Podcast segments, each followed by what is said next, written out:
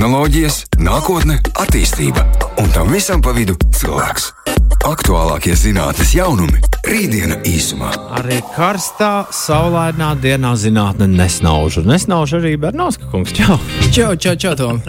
nu, tā, kas šodien? Kas, kas te tagad būs? Šodien būs, eh, manuprāt, ļoti interesanta tēma, jo tā ir tēma, par ko uh, aizvien runā vairāk un vairāk, jo tas ir kaut kas tāds izveidots, par ko īstas galvenās zināšanas nav un ir maz sabiedrībai. Un tas nosaukums ir vien nu, jāmācās izrunāt.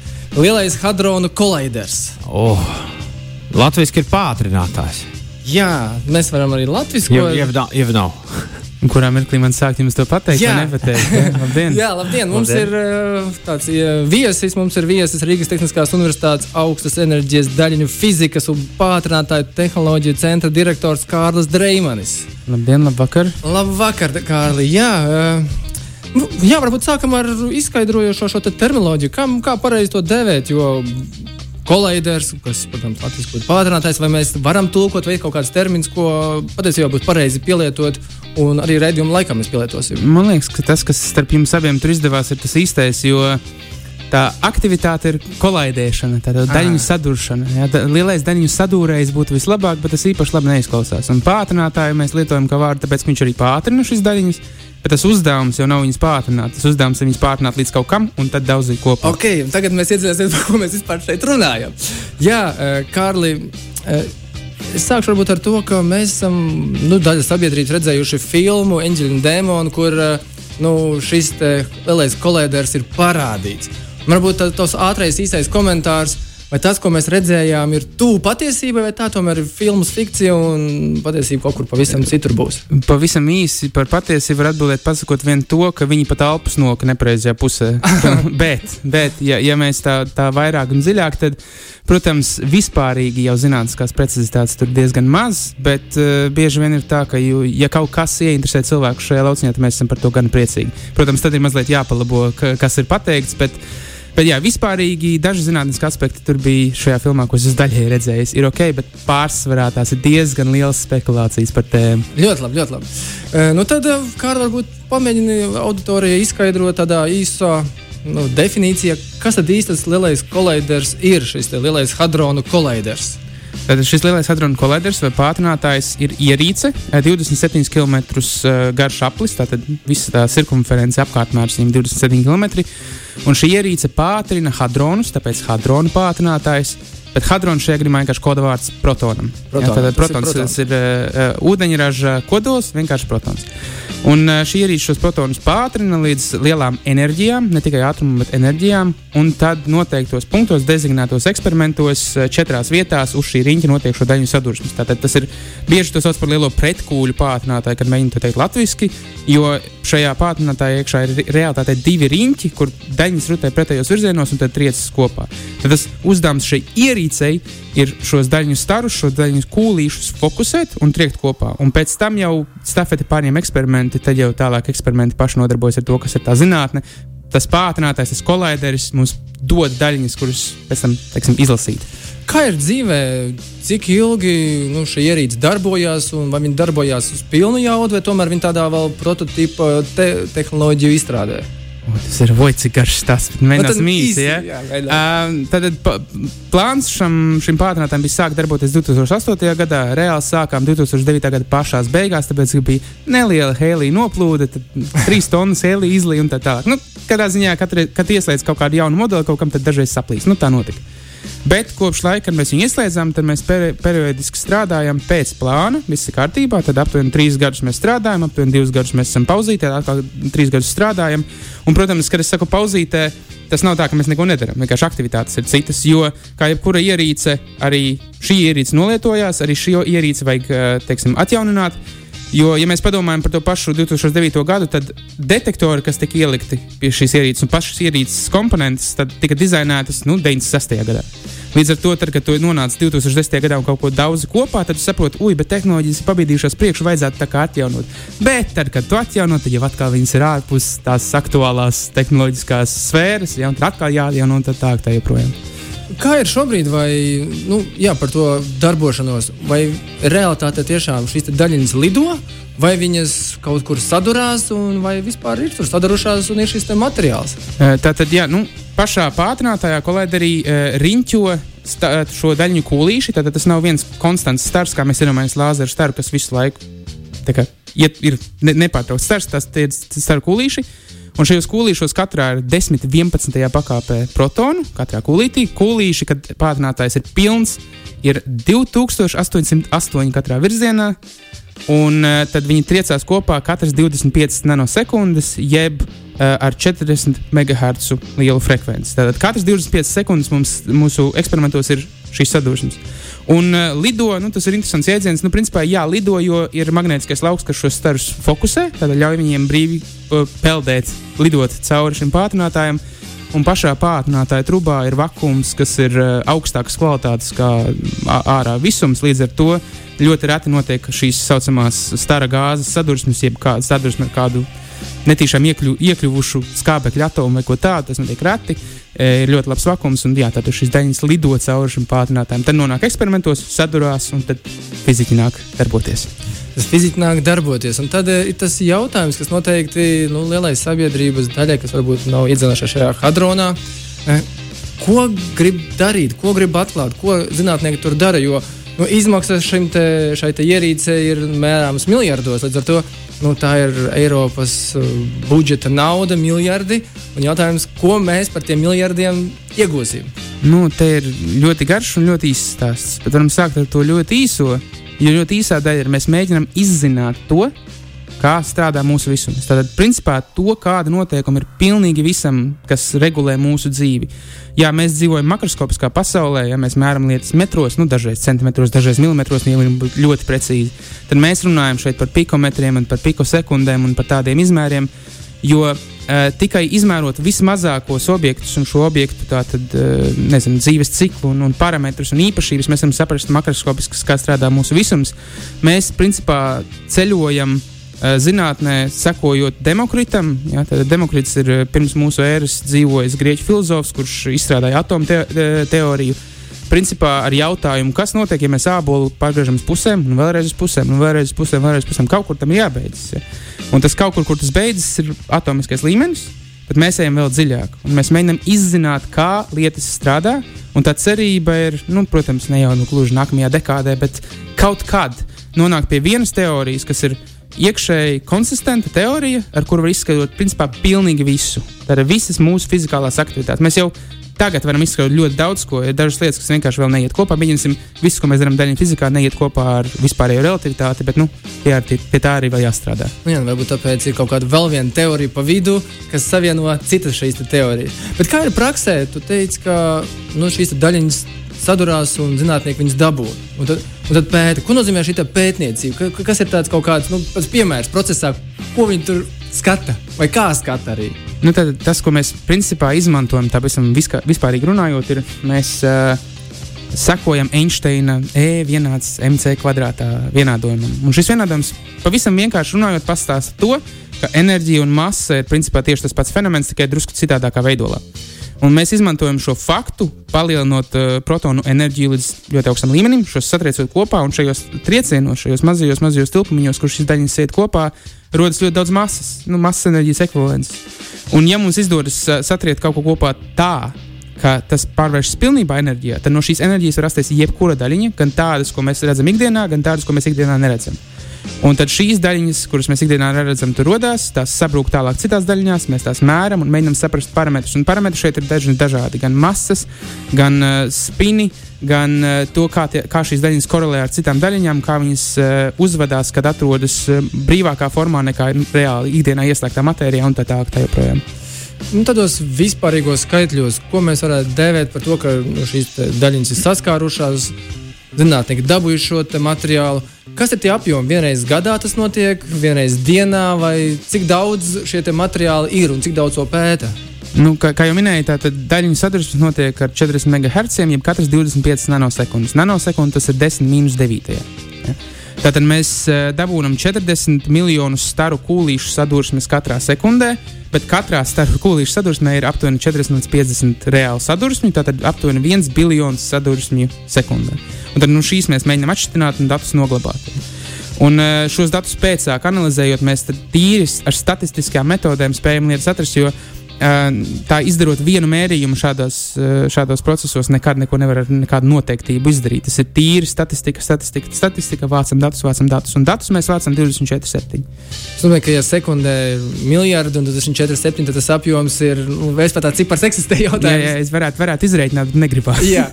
Ok, uh, varbūt tagad dodamies nelielā pauzē un atgriežamies par šo kolēderu dziļāk un apkārt šai tēmai. Ikdiena īsumā. Esam atpakaļ. Esam atpakaļ ar tēmu par lielo hadronu, hadronu kolaideru, kur mēs sapratām, ka tā viņi arī var dēvēt. Var, var. Jā, mums ir viesis uh, Rīgas Tehniskās Universitātes augstas enerģijas daļiņu fizikas un pātrinātāju tehnoloģiju centra direktors Kārlis Dreimanis.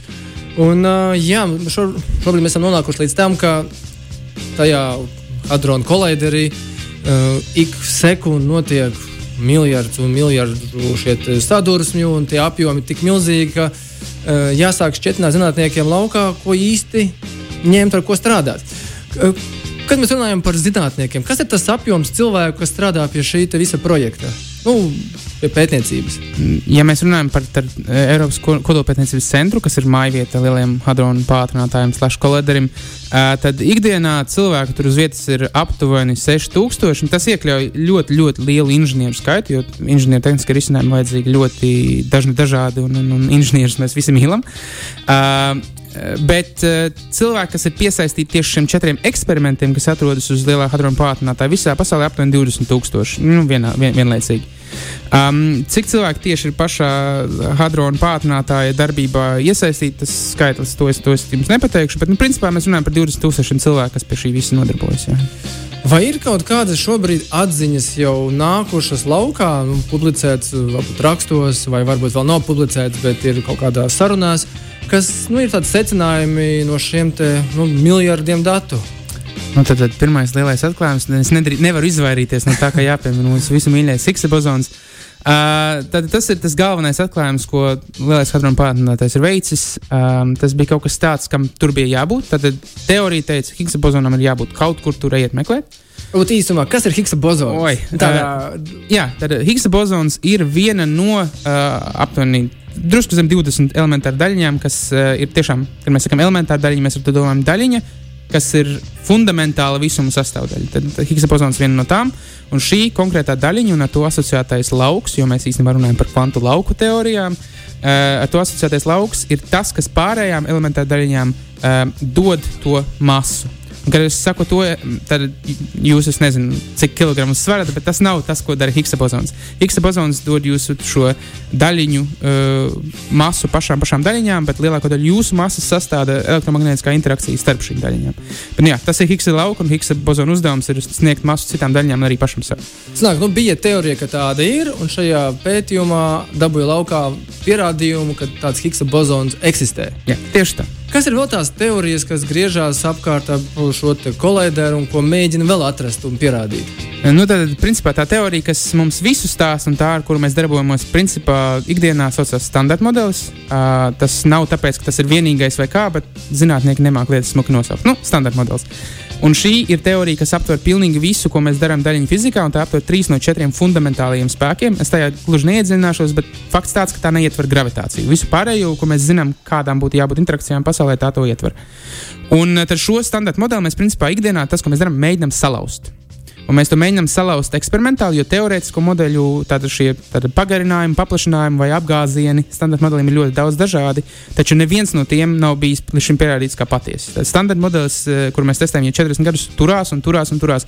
Un jūs iedomājaties, ja jūs izstrādājat teoriju 40, 40 gadus atpakaļ, un jūs esat pārliecināts, nu, ka kaut kad mēs viņu salauzīsim, jūs viņu laužat. Jūs ieliekat visu, ko jūsu cilvēks spēja tajā ielikt, un jūs nevarat salauzt. Tad tas ir tas, kur mēs esam nonākuši. Un, uh, jā, mēs aprakstām pasauli labāk un labāk, bet mēs nevaram atrast tās lietas, ko mēs sagaidījām, ka būs.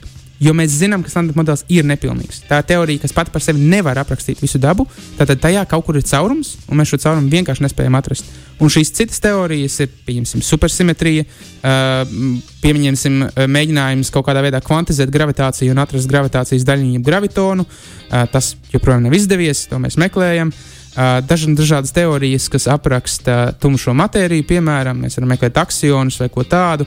Uh, eksistē ļoti daudz, kas, kas mēģina izskaidrot to, ko mēs redzam, bet nezinām. Un kaut kam no tā visa būtu jāspēj būt savienojamam ar daļiņu fiziku, bet mēs nevaram atrast to. Un tas ir tas, ko mēs mēģinām izdarīt. Kā ir šobrīd ja ar šiem materiāliem ievāktajiem? Ir teorija, ka tajos kaut kur slēpjas tā patiesība.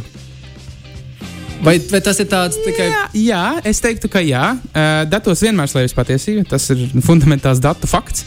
Uh, taču problēma ir vai nu tajā, ka datu vēl ir par maz, lai veiktu statistisku analīzi kaut kam ļoti, ļoti sensitīvam. Tad, uh, kā jūs zināt, ja statistiskā, veicot vienkārši statistisku analīzi, tava kļūda mērījumam ir kvadrātsakne no taviem mērījumiem. Tātad, ja jums 100 mērījumu kļūda ir 10, ja, 10%. Ja mēs ejam vairāk un vairāk, vairāk šī kļūda samazinās. Bet mēs runājam par lietām, kur precizitātei jābūt ir, nezinu, 10, minus 12, 10, minus 20 un tādas lietas. Līdz ar to dati, dati, dati, dati, dati mums varētu palīdzēt. Bet otra lieta ir, ka mums iespējams ir jāmēģina uzkāpt vēl augstāk enerģijā, jo varbūt tās mūsu enerģijas, kas šobrīd ir 7 teraelektronu 6,8. Arī nav svarīgi, kas tas ir. Uh, bet ar šo enerģiju varētu būt nepietiekami, lai radītu tās daļiņas, kas mums izskaidros lietas. Viņas ir smagākas, līdz ar to no mūsu enerģijas masas ekvivalents šajā sadursmēs nepietiek enerģijas. Tad nu, mēs varētu uzbūvēt ko lielāku, piemēram, nākotnes riņķa veida pātrinātāju. Varat iegūt. Klausītājs Rēksts jautā, aptuveni cik terabaitu datu un ar kādu ātrumu tiek ievākti vienā daļiņu sadursmes rezultātā? Ui, vienā daļiņu sadursmes, tu, tas ir tas labs. Tur mēs runājam, vienā daļiņu sadursmē būs mazi megabaiti vai, vai daudzi kilobaiti. Bet, ja mēs runājam par sekundi, ja mēs runājam par dienu, ja mēs runājam par to, cik mēs vispār datus vācam, tad mēs runājam par petabaitiem virs petabaitiem. Nu, principā var, var mēģināt kalkulēt. Kaut kā ielikt 5, 10 megabaitu sekundē, tad vienkārši reizes sekundes, reizes minūtes, reizes stundas. Jo, jo tas, ko mēs varam darīt, ir pieņemsim izskaidrot, cik mums ir tā saucamie readout channels jeb cik mēs uh, elektroniskos signālus izvācam no detektora katrā sadursmē. Un tie ir tūkstošiem. Ja, tad, ja katrs, tūkstu, katrs, katrs šis signāls ir teiksim, viens bits, nu, tad tūkstošiem bitu sāks kļūt jau par šiem kilobitiem. Saliekam kopā sekundē biljonu to, nu, rēķinam tā. Cits klausītājs Marks saka, ka viņš pirms piecām minūtēm ieslēdz radio un tagad neko vispār nesaprot, kas notiek. Mēs runājam par uh, lielo hadronu kolideri. Un, uh, un, un, un es domāju, ka tāds arī precizējošais jautājums priekš Mārēka varētu būt. Uh, Bet uh, nu, tu nu pat minēji, ka ir uh, svarīgi tad, tad nonākt pie šī, pie šī lielā noslēpuma, kas kaut kur, uh, kaut kur tur iekšā slēpjas. Bet kas tieši notiks tad, kad mēs iegūsim atbildi uz šo lielo jautājumu? Oi, daudz, daudz atbildes šo jautājumu var būt. Viena no tām bieži ir, kad cilvēki saka, pēkšņi pilnīgi viss pazudīs un parādīsies uzraksts round two. Ja, mēs esam pirmo raundu izturējuši. Bet eh, tā pavisam norm, nu, normāli sakot, nu, nekas jau neradīsies. Mēs būsim spēj, spējuši atrast atbildes uz fundamentāliem jautājumiem, kurus mēs esam principā vienīgā veid, vienīgais veids, kā to panākt. Es zinu, ka varbūt vārdiem neinteresē un arī vāveriem neinteresē, bet ja mēs esam vienīgā um, tātad. Komunicēt spējošā tehnoloģiskā būtne šajā visumā, tad mums ir uh, pret šo visumu pienākums, visumu izzināt, jo pats visums to nevar izdarīt. Tas ir mūsu uzdevums. Nu, man tāds jautājums, kas ir no šeit visa, cik droši ir viss šis risinājums, jo viņš ir milzīgs. Viņš ir energopatērējošs, tur ir pats minējis sprādzienu dažāda veida. Cik tas viss ir droši gan šobrīd, gan arī varbūt nākotnē. Nu, tie sadursmes trācieni jau ir tiešām tik maziņi, ka tie baigi daudz neko nemaina. Un, protams, ir tehniskas salū, salūšanas, un jā, viens no šiem bija šis hēlija izlīšana 9. Eh, gadā. Uh, bet vispārīgi pats aparāts ir ārkārtīgi drošs. Tas ir daudz drošāks par principā, jebkuru citu aktivitāti, skaitā iespēju paslīdēt dušā. Ja. Drošāks par tosteri. Uh, jā, viennoz, viennozīmīgi drošāks par tosteri. Absolūti viennozīmīgi. Protams, tajā mirklī, ka notiek daļiņas sadursmes šajās lielajās apakšzemes kavernās, kur atrodas eksperimenti, labāk nevajadzētu iet.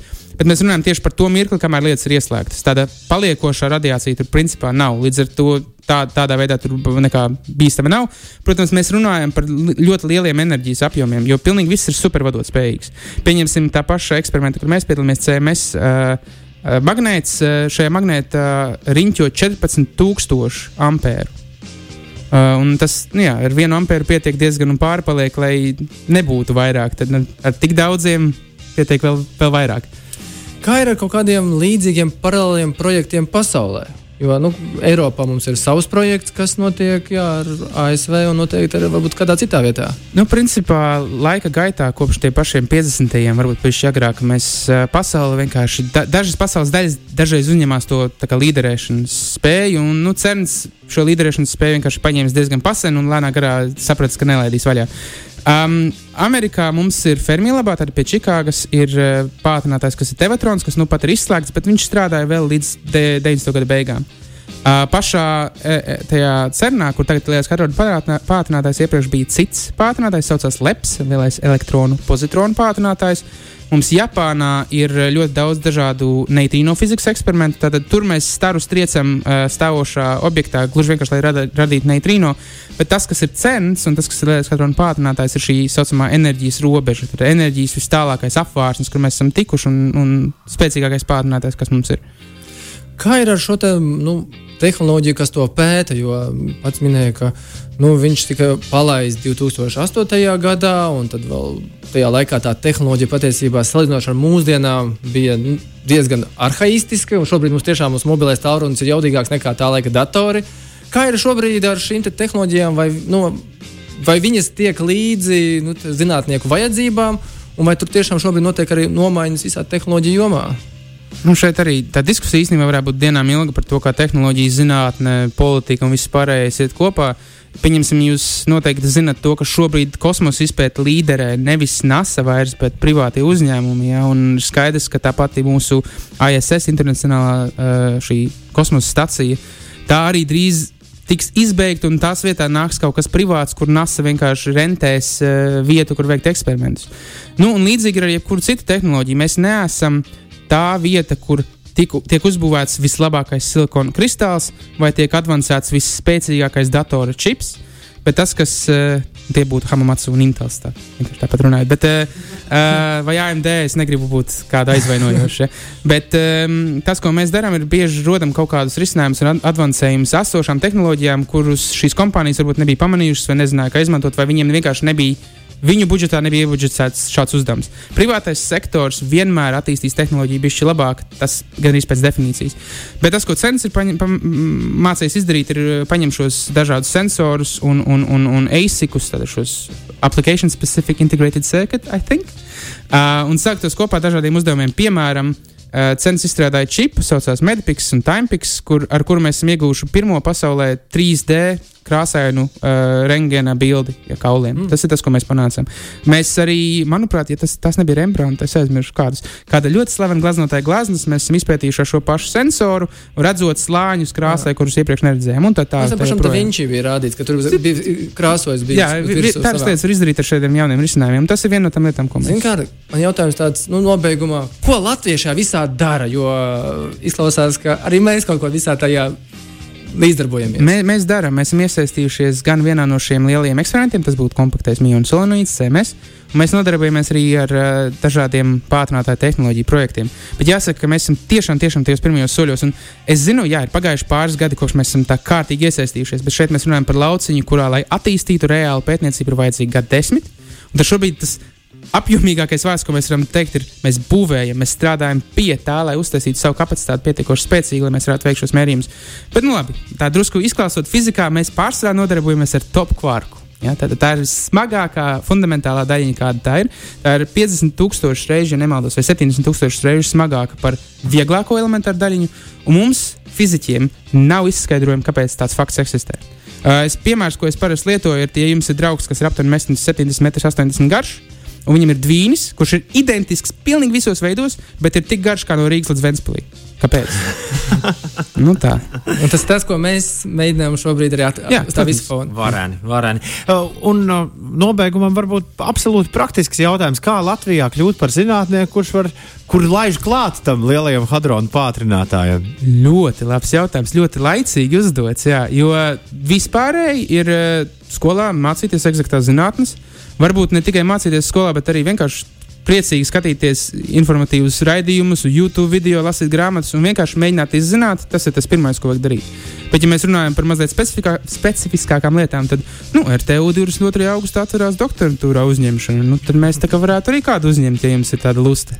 Un tad pieslēgties pie šī projekta, pētīt Protams. un atrast šo atbildes uz mūsu Latvijas jautājumu, uz hips, arī uz šo te pasaules Tieši tieši daļas tā. meklēšanu. Paldies, Kārli!